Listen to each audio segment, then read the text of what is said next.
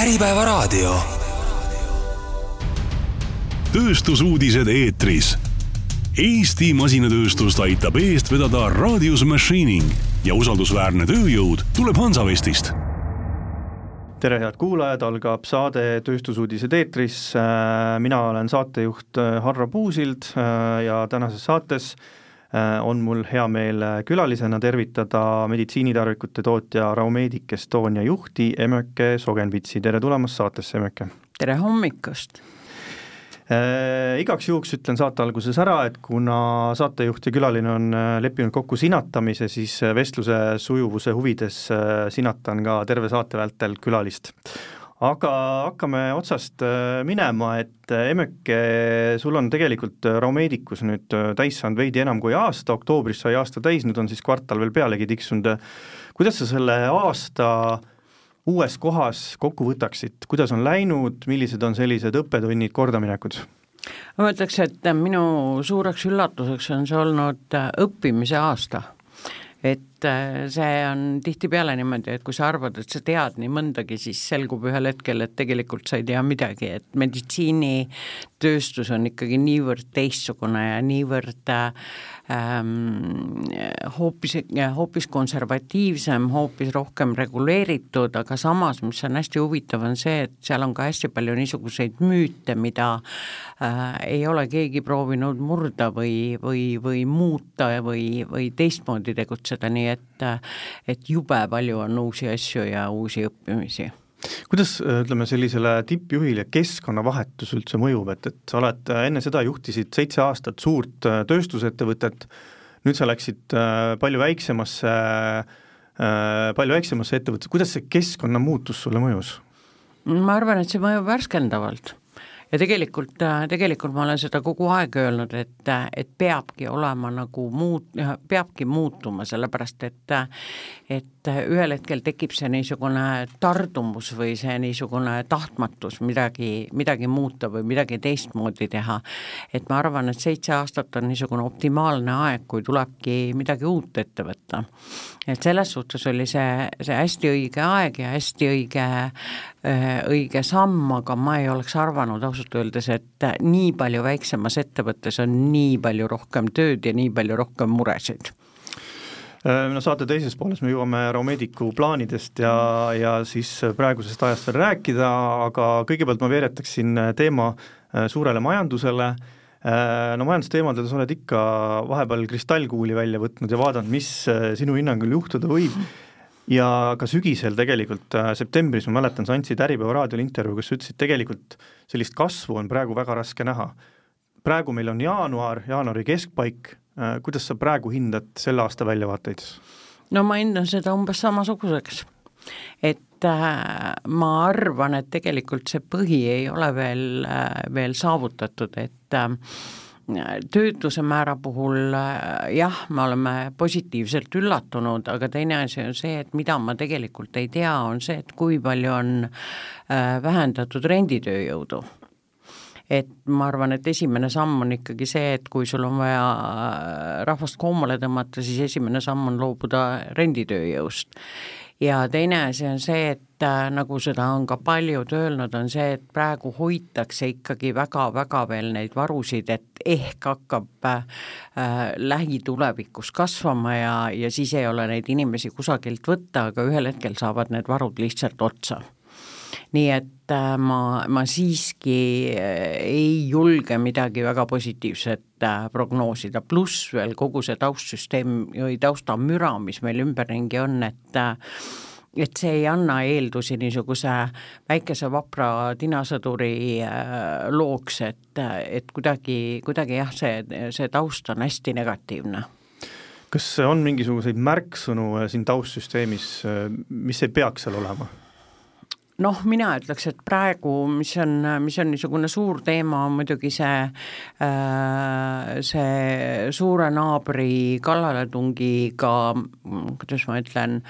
ähm, noh, mitte ähvardamine, aga, aga pigem nagu manipuleerimine, et aeg-ajalt tundub, et me äh, oleme astunud, äh, astunud põhimõtteliselt ämbrisse, mis on kellegi teise poolt ette valmistatud. Et, äh, et ma ütleks, et ähm,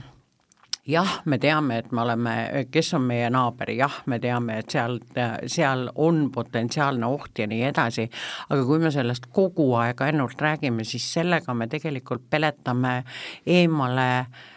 või, või tõstame frustratsiooni nii oma inimestes, rääkimata sellest, et äh, välisinvesteeringute jaoks on see tegelikult tõsiselt hukatuslik. et ma olen, ma olen tegelikult äh, ma arvan, et üks viisteist aastat rääkinud sellest, kuni selleni, kui ma juhtisin ka Narva tehast, rääkinud sellest, et vaadake, et noh, et me oleme NATO liikmed ja me oleme see ja teine ja kolmas ja me tegelikult ikkagi saame aru, et et meil on niisugune naaber ja nii edasi. Ja kui nüüd nagu äh, nagu valitsevate äh, Äh, inimeste poolt äh, kuni selleni, kuni selleni, et kas meil on piisavalt pommivarjendeid ja nii edasi ja nii edasi, äh, see on jälle niisugune teema, mida peaks ja tuleks arutada valitsuses, aga kas seda viia nüüd massideni niisuguses ulatuses, vot see on, see on minu suur küsimärk. Minul, minul on ka ettevõtte juhina on olnud väga tihti niisuguseid olukordi, kus äh, ettevõtte ellujäämine on suure küsimärgi all. ma olen päris mitu ettevõtet välja toonud suurest sügavast miinusest ja ma tean, et kõrgemas juhtkonnas on arutelu, et kas sellel on mõtet ja kas see raha põletamine jätkub ja nii edasi ja nii edasi, aga ma ei lähe seda ütlema oma inimestele ma ei hakka oma inimesi ähvardama sellega, et kui me nüüd kohe raha teenima ei hakka, siis meil pannakse uksed kinni ja nii edasi ja nii edasi. see on minu kui juhi mure ja vastutus kas siin sellist momenti pole, et, et ühtepidi me peaksime rääkima, et inimesed oleksid, kuidas ma ütlen siis, kursis, et me ikkagi, kuidas ma ütlen, me räägime riskides avatult, et ei tuleks hiljem, ma ei tea, ma ei taha siin kasutada sõna negatiivseid üllatusi, aga et kõik teavad, kõik on ühtemoodi kursis, et meil on, on, on sellised mõtted peas, räägime avatult, kas, kas selline inimeste informeerimise moment äh, ei ole üks õigustus, et peaks rääkima. vaata, inform-, informeerimisel ja informeerimisel on suur vahe. ja vahe on just nimelt selles, et missugusel tasemel või missuguste inimestega sa räägid. et on, on võimalus igasugust sõnumit serveerida nii positiivses kui negatiivses võtmes. ja positiivses võtmes on ikkagi äh, noh, põhimõtteliselt võiks olla niisugune, niisugune sõnum, et jah, me teame, jah, me valmistume selleks, aga me samal ajal arendame, edendame ka oma riiki selleks, et meie inimesed oleksid turvatud, meie inimesed oleksid äh, majanduslikult kindlustatumad, meie, meie teenused oleksid paremad ja nii edasi. teine võimalus on see, et ei, meil ei ole raha millegi muu jaoks, sellepärast et me peame valmistuma sõjaks ja me peame valmistuma kaitseks ja nii edasi ja nii edasi. et minu meelest see retooriline oskus serveerida sõnumeid erineval kombel erinevatele gruppidele ja olgem ausad, peavad olema ka niisugused sõnumid, mis jäävad ainult ja ainult valitsuse äh, istungile sisemiseks kasutamiseks. aga siin aeg-ajalt tundub, et nagu mulle kunagi üks äh, mentor õpetas, et äh, tead, et öeldakse, et, et äh, loll inimene räägib, mida teab, aga tark inimene teab, mida räägib et siin on vahetevahel minu jaoks lähevad need mõisted nagu omavahel, omavahel segamini, et mida me siis räägime ja kuidas me räägime inimestele Äh, tulen korra majanduse juurde tagasi, äh, kas ütleme, kui murelikuks äh, muudab sind ütleme selline, ütleme pidevad teateid sellest, kuidas meie konkurentsivõime langeb ja kuidas meie eksport kuust kuusse kukub, et mis pilguga sa juhina vaatad neid uudiseid, kui need tulevad jälle? No mina vaatan seda ikkagi oma ettevõtte seisukohalt, sellepärast et ma ei ole selles positsioonis ja, ja sellise, sellise intellekti tasemega, et ma saaksin kogu riiki äh, päästa. aga, aga ma ütleks, et konkurentsi äh, konkurentsivõime ei pruugi alati langeda ta võib langeda nagu, kuidas ma ütlen, et äh, Eesti eksport langeb aga kuna Euroopa eriti Kesk-Euroopa, on endiselt suhteliselt vana, suhteliselt konservatiivne ja suhteliselt ähm, suhteliselt vähe liikuv, siis tegelikult meie peaksime praegu ära kasutama just nimelt oma seda niisugust agiilsust ja oma paindlikkust. Ja, ja see on võimalus ka turgu võita praeguse majanduslanguse tingimuses sest tegelikult kogu Euroopa on täpselt sama, sama teema, on vananev äh, elanikkond äh,, vähesed noored tahavad füüsilist tööd teha ja nii edasi ja nii edasi, et see on kogu Euroopa probleem. nüüd Eesti probleem on ikkagi see, et meie konkurentsivõime langeb sellepärast, et teised riigid, olenemata sellest, kas sellest on tolku või ei ole tolku, aga nad ikkagi toetavad nagu äh, oma tööstust meie riik on välja kuulutanud avalikult ja see sõnum ei ole ainult Eestis teada, see on kogu Euroopas ja kogu maailmas teada, et meie tööstust ei toeta ja siin tekibki nagu see, see põhiküsimus, et kes tahab oma tootmist tuua nagu Eestisse, mis sellest, et siin on head inimesed, siin on kõrge keskmine IQ tase, siin on, äh, on hea tööjõud ja nii edasi, aga kui on välja öeldud, et riiki ei huvita tööstus kui selline, siis millest me räägime? See on minu jaoks nagu see, see riigi sõnum on põhiline, et et me, me räägime ainult IT-st ja me räägime ainult oma IT-võimekusest. Ja issand, paraku tegelikult jah, me oleme paljudest riikidest ees, aga ma olen näinud ka palju riike, kes on meiest, meist IT-võimekuses nagu kõvasti eespool. Ma võtan äh, siinkohal appi äh, ühe tööstusjuhi Veljo Konnimäsi äh, sõnad, et käes on aeg ennast häbitult müüa saab sellega nõus olla et noh, mõte on, on selles, et me peame tegelikult vaatama targema tööstuse poole, me peame oma targale tööstusele leidma uusi turge. ja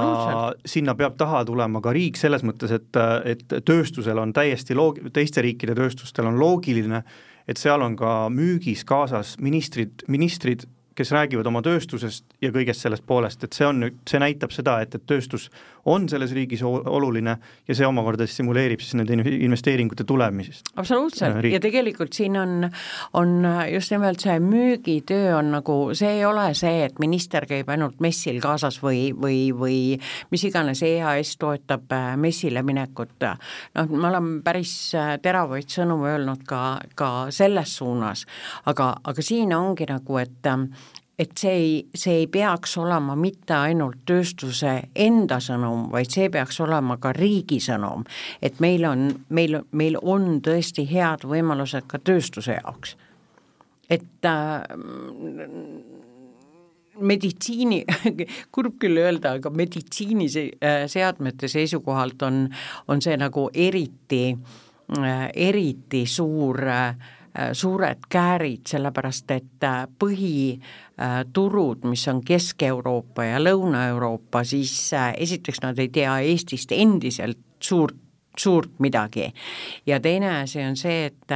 et ütleme, Eesti on tegelikult palju innovaatilisem, palju, nagu kunagi ühel konverentsil me rääkisime sellest VUCA printsiibist, et praegu me elame selles tõelises VUCA maailmas ja selleks, et siin õnnestuda, selleks on võimalusi, aga selleks peavad kõik ennast mobiliseerima alates EAS-ist, ma ütleks selle peale, ja kuni ministriteni välja võtan appi veel ühe mõtte siin, üks selline asi, millega me, mis viimasel ajal meedias väga palju tiirleb, on äh, sõnapaar tark tööstus. kui sa seda kuuled, siis mis see sinu jaoks tähendab?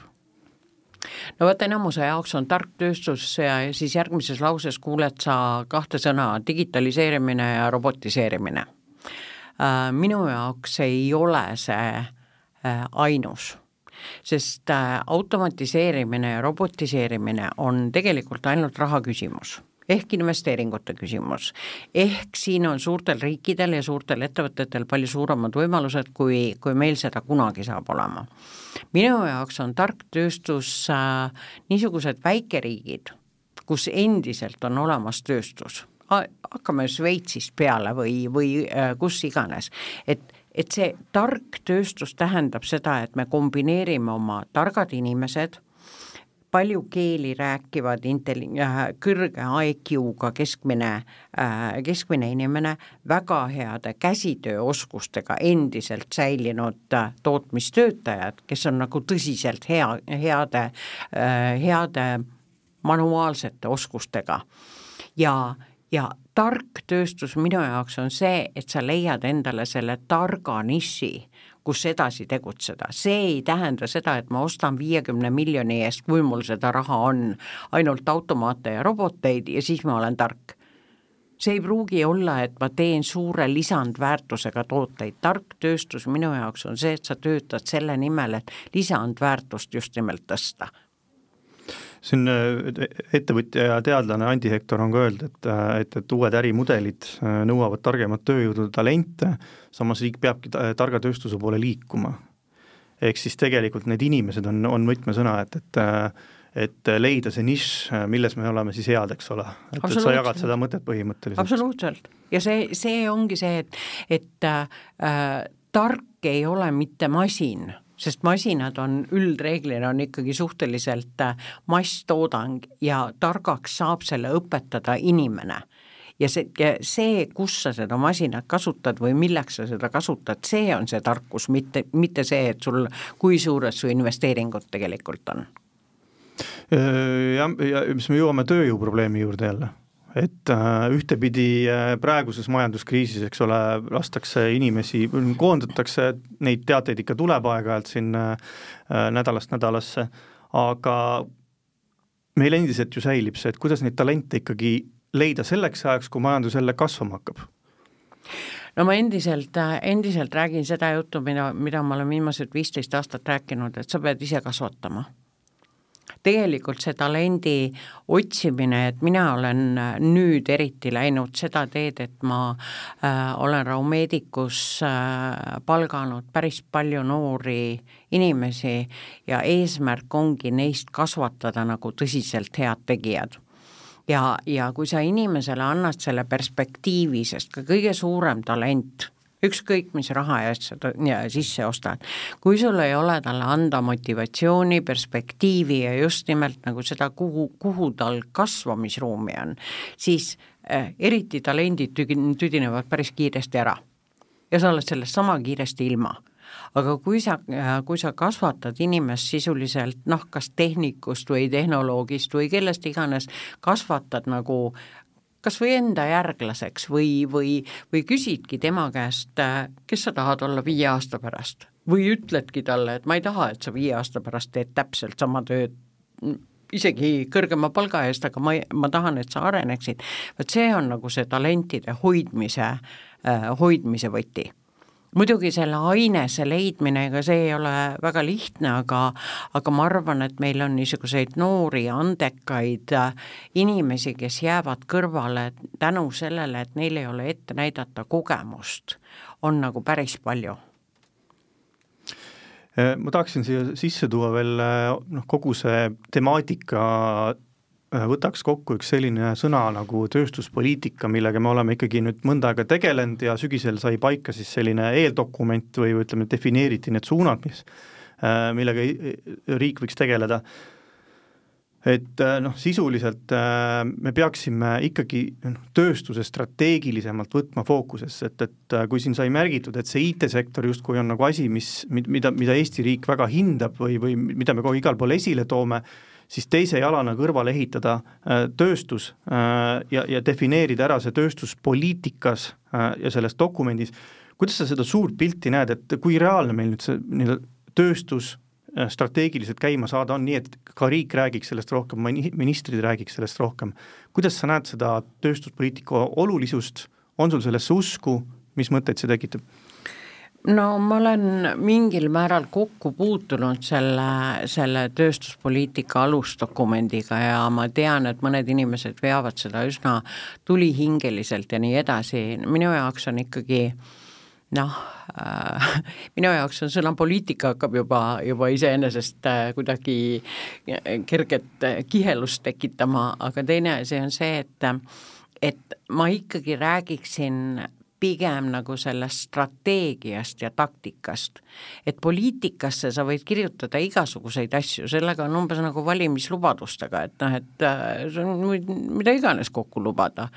et äh, aga, aga kui sul ei ole selle, selle peale ehitatud strateegiat ja, ja taktikat, siis see on umbes samamoodi nagu ettevõttes, kui mul oleks ettevõttes olemas äh, missioon ja visioon aga mul ei ole strateegiat, siis ma võin selle kaugesse kohta ära peita, nii missiooni kui visiooni. et, et mina pragmaatikuna tahaksin näha ikkagi nagu konkreetseid samme ja konkreetsed sammud algavad sellest, kui, kui äh, avalik sektor ühel hetkel saab aru, et ilma tööstuseta ei ole tegelikult ühtegi tugevat riiki võimalik üles ehitada, kui ta ei ole just maailma noh, ma ei tea, ma ei oska öelda, võib-olla, võib-olla finantspealinn või, äh, või mis iganes. Sest isegi, isegi ma lugesin ühte artiklit selle kohta, et isegi näiteks äh, Ühendkuningriikide tööstus on, indeksid tõusevad tänu sellele, et nad näevad Prantsuse ja, ja Saksa ja Kesk-Euroopa tööstuse nõrkust mis tähendabki seda, et, et, et sel hetkel sa pead kohe reageerima ja kohe hakkama nagu liigutama, et esimene küsimus potentsiaalsele kliendile on see, et kus sul valus on.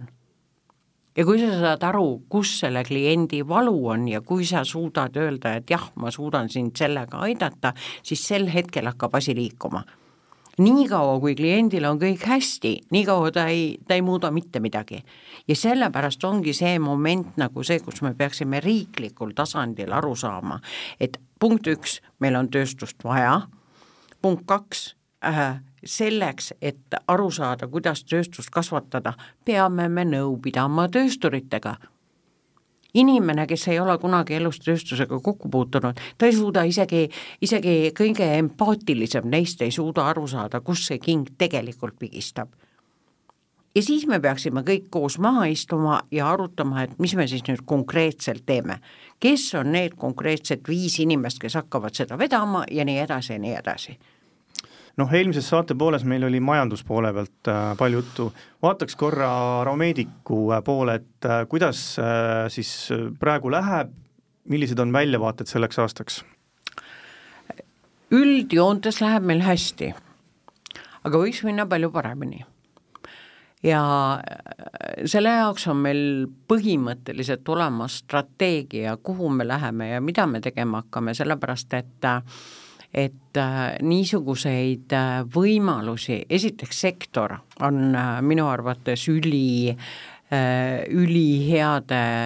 perspektiividega, sest me toodame meditsiinitarvikuid, mida kasutatakse haiglates, kõikvõimalikud voolikud, mida sul pannakse loomulikesse või tekitatud avadesse, on suur, suur võimalus, et need on toodetud Eestis. ja lähtudes sellest, et elanikkond vananeb, meditsiiniteenuseid läheb aina rohkem vaja ja erinevalt äh, väga paljudest teistest tööstusharudest äh, suureneb äh, ühekordselt kasutatavate tarvikute arv et see, see on nagu hästi huvitav, et kui igal pool mujal räägitakse kuni joogikõrteni, et äh, kõik on korduvkasutatav või, või mis iganes, siis meditsiinitööstuses on see, et et kuna suureneb see personaalmeditsiini kogus, ehk ravimeid segatakse vastavalt sinu DNA-le, vastavalt sinu konkreetsele haigusele, vastavalt ja nii edasi ja nii edasi, siis piltlikult öeldes, et kui varem segati ravimeid äh, ülisuurtes püttides, siis nüüd on, äh, tehakse valmis äh, liiter, kaks liitrit, viis liitrit ja nii edasi. Ja need, need, kõik need protsessid on omavahel seotud ühekordselt kasutatavate voolikutega nii et see, see, see ülemaailmne äh, see mm, vajadus aina kasvab, et üks hea näide Eestis on pisike ettevõte nagu Artesyn, mis kunagi loodi. nüüd nad osteti üle siis suurkorporatsiooni Repligeni poolt ja nüüd äh, ma ei teagi, kaugel see nende tehase ehitus seal Jüris on, aga, aga nad arenevad nagu suurte sammudega. Äh, ja siis ja siis ühesõnaga see, see tarve aina suureneb, aga teine pool asjas on see, et see maailm on ülikonservatiivne ja üli niisugune ettevaatlik ja, ja kohutavalt palju regula-, reguleeritud ja nüüd veenda nagu seda maailma või seda ärikeskkonda, et Eestis on samasugune või veel parem võimalus nagu äh,, nagu tegutseda ja toota ja nii edasi, see on nagu kohutavalt pikk protsess. Et äh, võrreldes äh, ja, ja kuna need keskused on noh, näiteks Prantsusmaal või näiteks Saksamaal, siis äh, mina, kes ma olen enamasti töötanud ikkagi soomlaste ja rootslastega, kellele ei pea seletama, mis on Eesti ja kus on Eesti ja mida me kõike oskame, siis seal on ikkagi nagu see, et äh, noh, made in Germany on see, mis äh, peab olemas olema. Nüüd tege-, tegelikkus on see, et kui ma käisin äh, Düsseldorfis Medica messil, mis on üks kõige suuremaid meditsiinitarvikute ja seadmete messe Euroopas vähemalt pool kogu sellest messist olid Hiina ettevõtted. ja veel vähemalt kakskümmend viis protsenti olid äh, hindud. Et eile ma just kuulasin ühte ettekannet nagu farma äh,, maailma farmaettevõtetest ja nii edasi, ainuüksi Indias on kakskümmend tuhat farmaettevõtet et, et nagu seda maailma murda ja seda äh, noh, teatud mõttes samamoodi arrogantsust murda, et saata aru, et sa, kui me jääme ainult selle Kesk-Euroopa peale, siis võib kergesti juhtuda, et me ei jää ellu lihtsalt. Ja ka siin kahjuks on meie, äh, ka meie allhanke või, või, või äh, kohaliku valmistamise konkurents on on suhteliselt tihe, et see, mis ma nägin seal, oli, et põhitehased on Sloveenias, Poolas, Leedus. Nii et nüüd trügida nagu Eestist nagu sinna ja öelda, et meie ka, meie ka ja meie oskame võib-olla paremini või mis iganes, kui sul ei ole nagu seda hinnaeelist nagu kusagilt, et äh, siis tekibki küsimus, et mis on see müügiargument, millega sa nagu äh, saad müüa seda, et äh, Eesti on ikkagi parem äh, valmistamiskoht kui mis iganes muu. et turgu on, perspektiivi on, kõiki võimalusi on, aga see tsükkel on nagu palju, palju, palju aeglasem kui, äh, kui, kui mis iganes muus äh, tööstuses, äh, kus ma harjun, harjunud olin töötama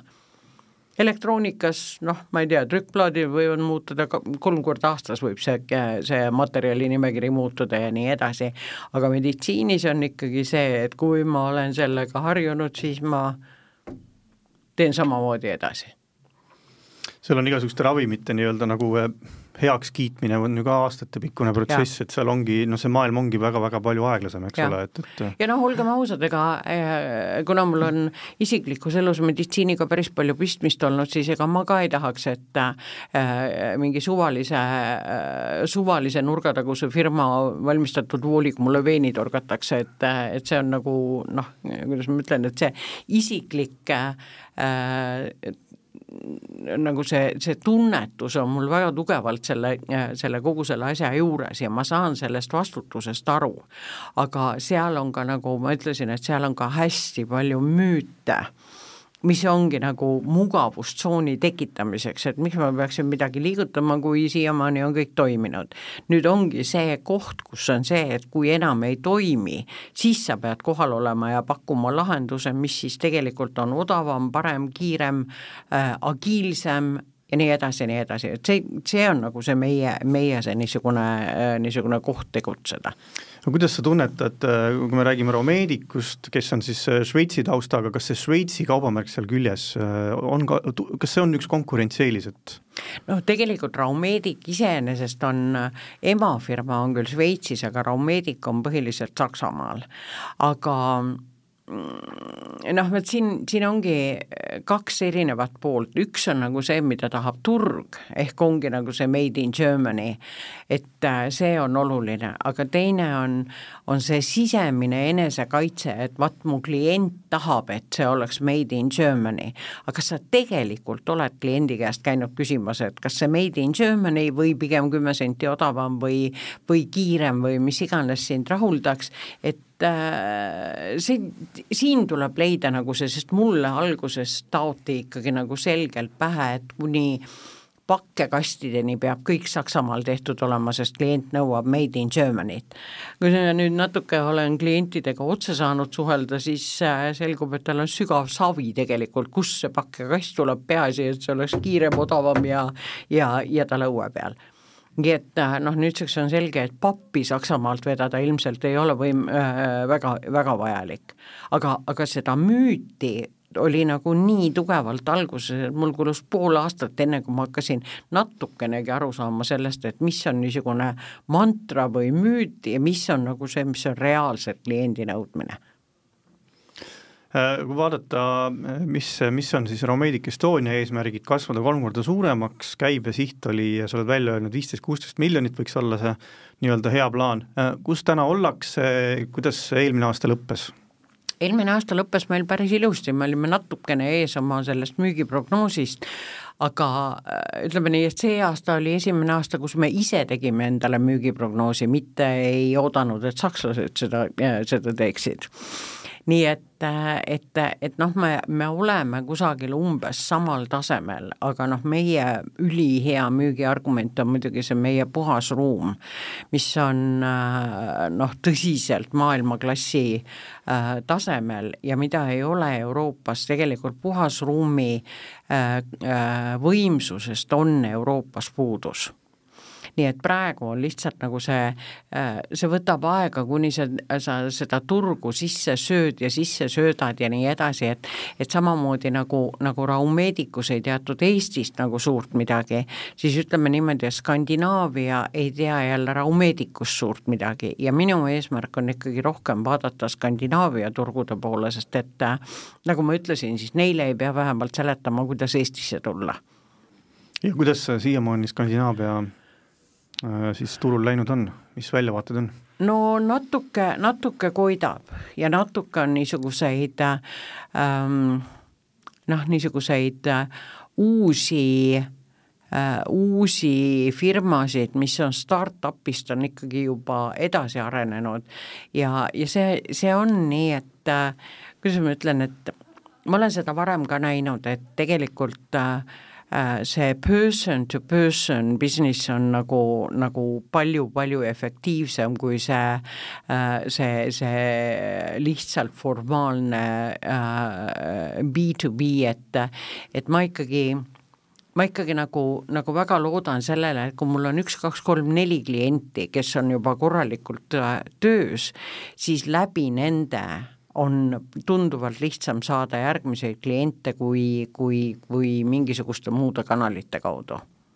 kuidas sa, kuidas sa Romedicus oled selle nii-öelda lähenemise sättinud, et kas sul on mingid väga head müügimehed vaadatud, kes sinna suunda nagu teevad või kuidas see nagu süsteem praegu toimib? no põhimõtteliselt ma ikkagi, ikkagi müügiga tegelen ise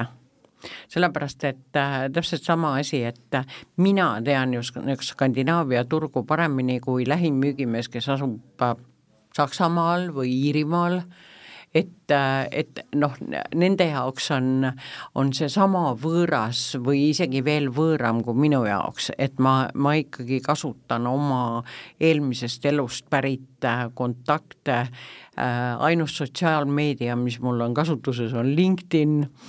Ja, ja, ja, ja tegelikult selle kaudu on nagu, nagu palju-palju äh, lihtsam edasi liikuda nii et äh, ütleme, see Raumedicu emafirma ilmselt ootab ka seda Skandinaavia poolt, eks ole, rohkem, et, et see on nende strateegiline mõte ka siinses piirkonnas, et jah, ja nad, nad muidugi julgustavad oma müügimehi ka sinna minema, aga äh, ma ei ole harjunud nagu ainult teiste peale lootma, nii et, et eks ma ise tegutsen ka sellega ja põhimõtteliselt meil on ju kaks suunda, et me müüme kas Raumedicu enda tooteid või me müüme otse kolmandatele osapooltele ja Raumedic väga julgustab müüma otse kolmandatele osapooltele, et mitte jääda ootama äh, Raumediku enda järgi, millal nad suudavad mulle mingisuguse toote üle tuua, et pigem, pigem me tegutseme, tegutseme ikkagi otse. Kas sa julged prognoose ka teha, et, et millal see Skandinaavia ots hakkab siis nüüd nii-öelda müügitulule mõju avaldama, palju ta juba sellel aastal näiteks, mis prognoose käibele saab teha? Ja millal Tegel, ta nii-öelda tulemust tegelikult öeldakse, et see on umbes kaks kuni kolm aastat hästi pika vinnaga ja praegu on nagu, kuna on äh, meditsiinitööstuses tulemas äh, need uued äh, regulatsioonid, mis on lühendatult MDR, siis praegu ollakse veel eriti konservatiivsed tarnijate vahetuse ja kõige, kõige muuga, sellepärast et et see põhjustab täieliku bürokraatia laviini. et, et nagu ma ütlesin ka, et, et ma, ma olen sellega nõus, meditsiinitööstus peab olema kontrollitud ja peab olema turvaline ja peab olema nagu reguleeritud ja nii edasi, aga isegi mina näen juba aeg-ajalt ikkagi teatud asju, mis on genereeritud selleks, et inimestele nagu iseendale tööd tekitada aga mis siis, praegu on Raumedic selline viis-kuus miljonit käivet, äh, eesmärk viisteist, kuusteist, mis sa selliseks, ütleme selliseks ajaraamiks sead, millal see viisteist, kuusteist miljonit võiks olla reaalne, on see viis aastat, on see neli aastat? no ma tahaks ikkagi mingi kolme-nelja peale minna. Sellepärast, et, et fakt on see, et ega meie sisendhinnad ka tõusevad ja meil on tegelikult hästi palju on ikkagi nii puhasruumi kui ka kontrollitud ruumi on nagu, mis ei ole päris selle äh, klass seitsme sertifikaadiga, aga mis on ka nagu niisugune noh, öeldaksegi kontrollitud ruum. et äh, see ruum tuleb lihtsalt ära täita ja, ja, ja ma ütleks, et võrreldes praeguse tootmisega, siis äh, elementaarsete liinmeetoditega on võimalik seda täita tunduvalt rohkem, et see oli niisugune suhteliselt hajutatud tootmine, kus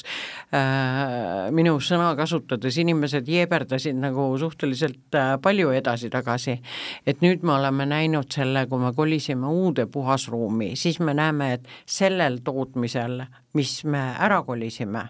on juba viisteist protsenti efektiivsust äh, ja selle, see on ju täitsa hea tulemus. ma arvan küll. kas enne, kui me jõuame tootmispõrandale, ma küsin, kas, kas sellel aastal, kaks tuhat kakskümmend neli, tuleb ära kuskil seitse-kaheksa miljonit näiteks ju? Mm,? Kaheksat ma küll ei julge, aga ma ütleks, et kuus-seitse võiks ikkagi nagu ühe nagu tulla, kõik oleneb sellest, kui kiiresti me saame teatud asjad üle tuua. Ja tegelikult teine asi on see, et kui rääkida lisandväärtuse kasvust, siis praegu me tegeleme ikkagi põhiliselt koostega, aga me tahame igal juhul juurde tuua uut tehnoloogiat, ehk me tahame ekstruudereid juurde, nii et me saaksime neid voolikuid ise teha palju rohkem. Ja võib-olla me räägime räägime ka plastivalust, aga see on veel niisugune noh, niisugune küsimärk, aga aga seda ekstruudereid ma tahaks igal juhul juurde tuua. räägime korra kuulajale lahti ka, mis see ekstruuder on? ekstruuder on vaadake, mina ei ole ka insener ja mul on nagu selles mõttes, mulle tuleb ka asju hästi lihtsalt seletada, et mis asi see on. põhimõtteliselt äh, on see masin, mis teeb äh, plastist voolikuid ja mina kutsun teda makaronimasinaks põhimõtteliselt sealt tulevadki plastist makaronid välja, mis siis lõigatakse õiges pikkuses tükkideks selge, äh, kui nüüd veel tulla tootmispõrandale, et, et mis nüüd siin äh, selle aastaga toimunud on, ma saan aru, et see puhasruum on nüüd valmis. et see töötab, see on juba toonud efektiivsust ja nüüd tuleb see täis müüa? jah. et see et äh, kui mul puhasruumi on umbes ligi seitsesada ruutmeetrit, siis praegu on täidetud umbes kakssada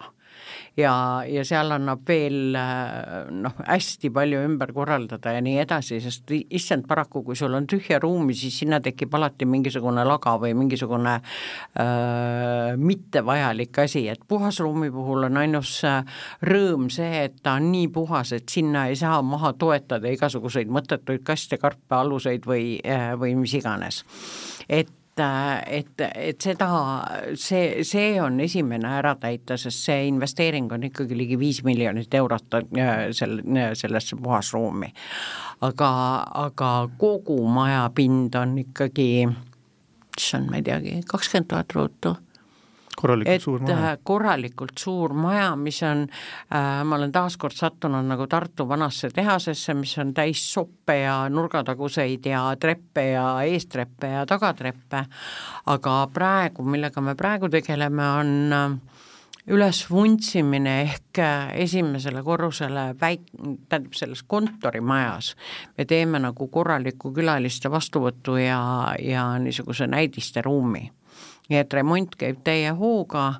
ja juba see näitab, et äh, noh, vähemasti pärast mõningaid äh, mõttevahetusi, siis äh, sakslased said ka aru, et, et ainult sellest, et meil on puhas ruum, võib-olla natuke ei piisa, et meil on ka vaja noh, külalisi normaalselt vastu võtta et Skandinaavia klientidele kõik valmis panna, kui nad tulema hakkavad? jaa, absoluutselt ja tegelikult endal on ju ka hoopis, hoopis parem tunne, kui sa, kui sa lähed ikkagi mitte endisesse tööriiete kauplusesse, vaid sa lähed ikkagi kontorihoonesse. ja kui kaugel see areng praegu on, et äh, puhasruum on valmis, mis seal praegu siis ehitamisel veel on? praegu me teemegi seda esimest korrust okay., see ongi ehitamisel, eks ole, praegu? jah, jah mis seal, mis sa näed, mis seal veel võib teha olla vaja, et, et äh, puhasruum on valmis, vastuvõtu nii-öelda ruum on tegemisel, mis sellised veel olulisemad äh, punktid on, mida välja tuua just? no hästi tahaks äh, normaalset ladu ehitada ja just nimelt, et, et see oli, koosnes soppidest ja kõigest muust, aga aa, mis, mis kõige tähtsam, kõige tähtsam on digitaliseerimine, mille suhtes ma ise enne, enne kriitikanooli äh, pildusin, aga äh, ausalt öeldes nii aladigitaliseeritud äh, ettevõtet ei olnud mina näinud viimase kahekümne aasta jooksul, kus pastakas ja paber oli sisuliselt ainus tööriist. Nii et nüüd meil on äh, digitaal, digitaliseerimise teekaart on tehtud me teame, kui, kuidas edasi minna, aga nüüd on siis äh, pisike dilemma on sakslaste ja meie vahel, sest nemad tahavad ühtset ERP-i, mis on loogiline, mis on normaalne, millest ma saan aru, ainult et äh, see ei ole kõige sobivam Eesti ja nii väikese ettevõtte jaoks. aga noh, eks me diskuteerime veel sel teemal, aga, aga põhimõtteliselt ERP-i juurutamine on nagu, nagu nüüd ülesanne number üks. aga seal juba on mingi ERP siis nii-öelda sees Null. või tuleb nullist? null okei okay,, et ei lähe nii et saan esimest korda elus, äh, olen ERP-i vahetanud, olen uut ERP-i äh, juurutanud ja nii edasi, aga esimest korda elus saan näha, kuidas nullist alates äh, kladedelt hakkame üle minema arvutisüsteemile. Äh, noh, ja, ja siis on see ladu ka veel, eks ole, et, et see areng on ka veel ees, äh, noh, maja on suur, seal ruum ilmselt on, et sellega vist ei teki probleeme. Need, ta on, maja on suur, aga nagu ma ütlesin, et ta on jube sopiline ja neljal või viiel korrusel, mul lähevad need korrused ka isegi veel sassi kogu aeg. et nagu niisugust kaasaegset ladu ehitada on nagu suhteliselt raske, rääkimata sellest, et veoautode laadimine, eriti talvel, on nagu täielik ikaldus, sest selleks tuleb kang vangi alt sisse tagurdada ja äh, viimane välja, veoauto välja, rekka välja kangutamine võttis aega kolm tundi. et äh, et see on see nõukaaegne niisugune pika estakaadiga saja erineva firmaga ettevõte on nagu, nagu, nagu tõsine ikaldus nii et ühest küljest asukoht, et ma ei pea inimesi bussidega vedama ja, ja linnaliini bussid peatuvad maja ees ja nii edasi, on nagu super. aga teisest küljest just nimelt see, et seal tööstust nagu arendada või, või kaasaegset süsteemi arendada, see on üks omaette, omaette tõsine väljakutse. kas sa näed, et Romedic võiks vajada täiesti omaette uut maja kunagi? kas ehituseks ka kunagi ma loodan, et mitte minu ajal no Tegi... sul on värske kogemus olemas. ja, ja, ja ühest küljest küll, aga teisest küljest ongi see, et et sinna ei ole ilmselt midagi, midagi võimalik ehitada ja minna uuesti kusagile tööstusparki ja hakata ja selle transpordi ja bussiliinide ja kõikide muudega, et ma arvan, et las see jääb noorematele, et see, see, seda ma tõesti ei taha enam teha kuidas praegu see, kui varem oli äh, Tartu ja Narva vahet väga palju liiklemist ja Tallinn moodustus selline kol-, kolmnurk, siis äh, on siis värskendav ka, et, et kõik on Tallinnas, et ei pea enam ringi sõitma mööda Eestit? tegelikult on, tegelikult äh, üle viieteist aasta esimest aastat äh, minna hommikul kodunt tööle ja tulla õhtul koju tagasi on nagu, minu jaoks on eriliselt värskendav, no ütleme, perekond on veidi närviline, et äh, nad ei ole sellega eriti harjunud, aga aga, aga, aga noh, põhimõtteliselt ikkagi, ikkagi on noh, hästi, hästi palju elu keeb ikkagi Tallinnas ja Tallinna ümber, et et selles mõttes on, on,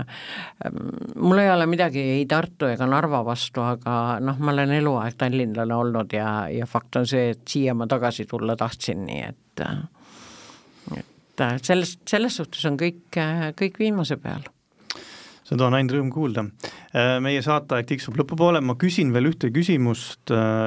mis praegu on selline, valmistab väga paljudele ettevõtetele peavalu, on Punase mere kriis. Alles see oli, kui meil Suessi kanalis üks laev kinni jäi, kuidas sa hindad seda piraatide teemat, laevade ründamise teemat, mis sunnib siis sõitma laevafirmasid ümber Aafrika, et mis mõjud sellel tarneahelatele ja meie, meie tööstusel on? No vaata, see on, see on see, et, et nagu ma seal tarneahelate konverentsil ütlesin, et kui ma veel ükskord seda Suessi kanalis kinni istuvat laevapilti näen, et ma, ma hakkan karjuma heleda häälega, aga, aga samas ma nagu, nagu ütlesin, et see aeg, kui me vedasime kauge maa tagant kaupu, mis, mis iganes kaupu, on läbi ja fakt on see, et mis iganes kriis või mis iganes järgmine teema seda ainult äh, ainult soodustab, nii et, et äh, ma arvan, et see Punane meri on lihtsalt üks, üks järgmine niisugune ilming ja nagu keegi ütles, et et ega me ei olegi, see, see, mis kunagi oli kriis, see on praegu, praegune reaalsus sa peadki nagu selleks äh, valmis olema, et, et ilmselt, mis kümme aastat tagasi arutati kõvasti, et Hiinast oleks võimalik tuua üle Venemaa rongidega kaupa, noh mm. -hmm. Punasest merest äh, on kogu aeg laevad käinud, ilmselt võib-olla enam ei käi ühel hetkel ongi see, et mida me saame vedada lennukitega, mida me ei saa vedada lennukitega ja see, mida me oleme vedanud kogu aeg laevadega ja mida me jääme vedama laevadega, siis seal lihtsalt see tarneahel pikeneb ja midagi pole teha. Kui Hiina tahab oma elektriautosid äh, Euroopas või kus iganes rohkem müüa, siis tal on kaks varianti, ta kas paneb siia mingisuguse tehase püsti või ta hakkab laevadega vedama pikemat teed pidi uued reaalsused, uued reaalsused. uued reaalsused ja see ongi see, see, see kogu see VUCA maailm, nagu me rääkisime, see on uus reaalsus sa pead olema kiire, agiilne, paindlik ja ma, ja, ja, ja ma veel kord ütlen, mina olen Eesti suhtes väga lootusrikas, sellepärast et meil on nutikad inimesed, me leiame selle väljapääsu, aga ärge toppige meile kaikaid kodarasse nagu teadlikult absoluutselt nõus. Äh, siinkohal peame tänase saate, saatele joone alla tõmbama. Emeke suur,, suur-suur tänu, et äh, tulid äh, majandusest ja ettevõttest rääkima. aitäh kutsumast ja rõõm näha, nagu alati Äh, aitäh, selline sai seekordne Tööstusuudised eetris ütlen veel enne lõppu, et targast tööstusest me räägime ka neljateistkümnendal märtsil toimuval targa tööstuse konverentsil. kel huvi, võib lisainfot vaadata smartindustry.ee kodulehelt ja ootan teid konverentsile. seekordne saade kahjuks sellega läbi, mina olen saatejuht Harro Puusild, aitäh, et kuulasite!